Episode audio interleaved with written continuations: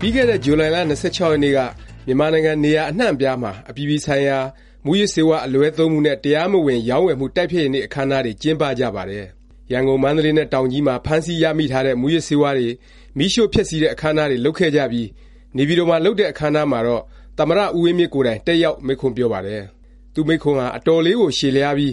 မူးယစ်ဆေးဝါးနဲ့ ပတ်သက်လို့ မြန်မာနိုင်ငံမှာ တကယ်ဖြစ်ပျက်နေတာတွေ၊ပြသနာတွေနဲ့ နောင် နှိမ်နင်းရေး ကိစ္စတွေမှာ သူ ဘယ်လို ကိုင်တွယ်မလဲ ဆိုတဲ့ အချက်တွေလည်း ပါဝင်ပါတယ်။ပြောရရင် မူးယစ်ဆေးဝါး ပြသနာနဲ့ ပတ်သက်ပြီး သမ္မတ အဆက်ဆက် မှတ်ချက်ပေး ပြောဆိုမှုတွေထဲမှာ အပြည့်စုံဆုံးနဲ့ အရှည်လျားဆုံး မိန့်ခွန်းတောင် ဖြစ်ဖွယ်ရှိပါတယ်။သူဘာတွေ ပြောခဲ့သလဲ၊မူးယစ်ဆေးဝါး နှိမ်နင်းရေး သူ့အစီအစဉ်တွေက ဘာတွေလဲ၊ရှေ့အနာဂတ် မြန်မာနိုင်ငံ မူးယစ်ဆေးဝါး ပြသနာ အလားအလာ ဘယ်လို ရှိနိုင်မလဲ ဆိုတာ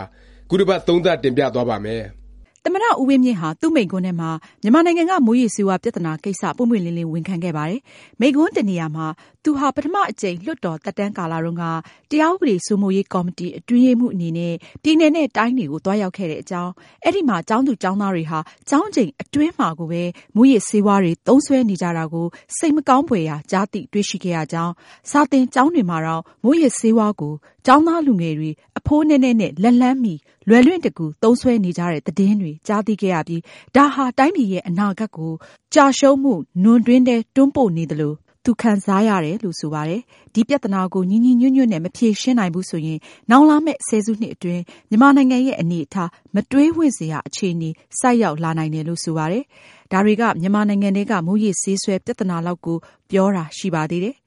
သမ္မတဦးဝင်းမြင့်အနေနဲ့ သူ့မိန့်ခွန်းထဲမှာ ဖော်ပြမထားပေမယ့် မြန်မာနိုင်ငံ မူးယစ်ဆေးဝါး ထုတ်လုပ်ဖြန့်ဖြူးမှုဟာ အိမ်နီးချင်းနိုင်ငံတွေတင်မက အရှေ့အလယ်ပိုင်းနိုင်ငံတွေ၊ကနေဒါလို ဝေးလံခေါင်ဖျားတဲ့ နိုင်ငံတွေအထိ ဒုက္ခပေးနေတာ တွေ့မြင်နိုင်ပါတယ်။သိပ်မကြာသေးခင်က မလေးရှားနိုင်ငံမှာ ကွန်တိန်နာထဲ ဖမ်းမိလိုက်တဲ့ စိတ်ကြွနဲ့ မူးယစ်ဆေး အမြောက်အများ ဖမ်းမိတဲ့ကိစ္စဟာ နမူနာတစ်ခုပါ။ မြန်မာနိုင်ငံ ရှမ်းပြည်နယ် ရွှေတြိဂံဧရိယာက ထုတ်လုပ်တဲ့ မူးယစ်ဆေးဝါး အများအပြား မြန်မာနိုင်ငံအနှံ့အပြားကို စီးထွက်သွားပြီးတစ်ချို့ ပြည်တွင်းမှာသုံး၊တစ်ချို့ အိမ်နီးချင်းနိုင်ငံတွေဆီရောက်၊အခုနောက်ဆုံး သိရတာကတော့ တရားဝင် ကွန်တိန်နာ လမ်းကြောင်းကနေတောင် နိုင်ငံတကာကို ရောက်သွားတယ် ဆိုတာပါပဲ။သမ္မတရဲ့ မိန့်ခွန်းထဲမှာတော့ ၂၀၁၇ ခုနှစ် UNODC ရဲ့ အစီရင်ခံစာအရ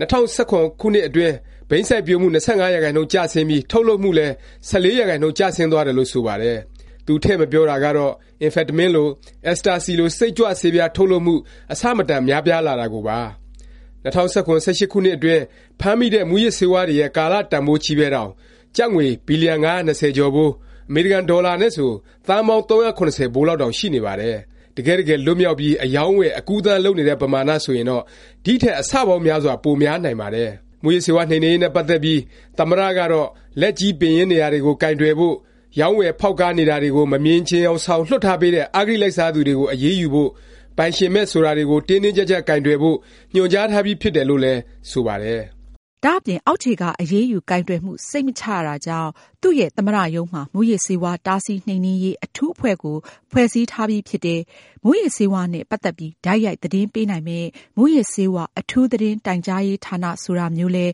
ဖွဲ့စည်းထားပြီးဖြစ်တယ်၊ မူးယစ်ဆေးဝါးသတင်းပေးလာရင် အချက်အလက်တွေအားလုံးလျှို့ဝှက်ပေးထားမယ်၊သိမ်းဆည်းရမိတဲ့အထဲကလည်းဆုကြေးငွေတွေပေးဦးမယ်လို့ဆိုပါတယ်။သမ္မတရဲ့မိန့်ခွန်းကိုကြည့်လိုက်ရင်မူးယစ်ဆေးဝါးတားဆီးနှိမ်နင်းရေးနဲ့ပတ်သက်ရင်တာဝန်ရှိအောက်ခြေရဲတပ်ဖွဲ့အဆင့်ဆင့်ကိုမယုံရတော့ဘူးဆိုတဲ့သဘောသက်ရောက်ပါတယ်။အလားတူစကားမျိုးမန္တလေးတိုင်းဝန်ကြီးချုပ်ဒေါက်တာဇော်မြင့်မောင်ကလည်းပြောဆိုဖူးပါတယ်။ပြီးခဲ့တဲ့လအတွင်းကျင်းပပြီးသွားတဲ့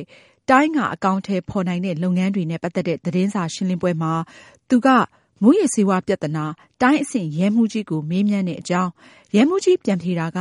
အရင်တုန်းကဆိုရင် ရဲတပ်ဖွဲ့ဟာ မူးယစ်ကုန်ကူးတွေကို စုံစမ်းထောက်လှမ်းတဲ့အကြောင်း၊အခုနောက်ပိုင်း ခေတ်ပြောင်းပြီး မူးယစ်မှောင်ခိုတွေက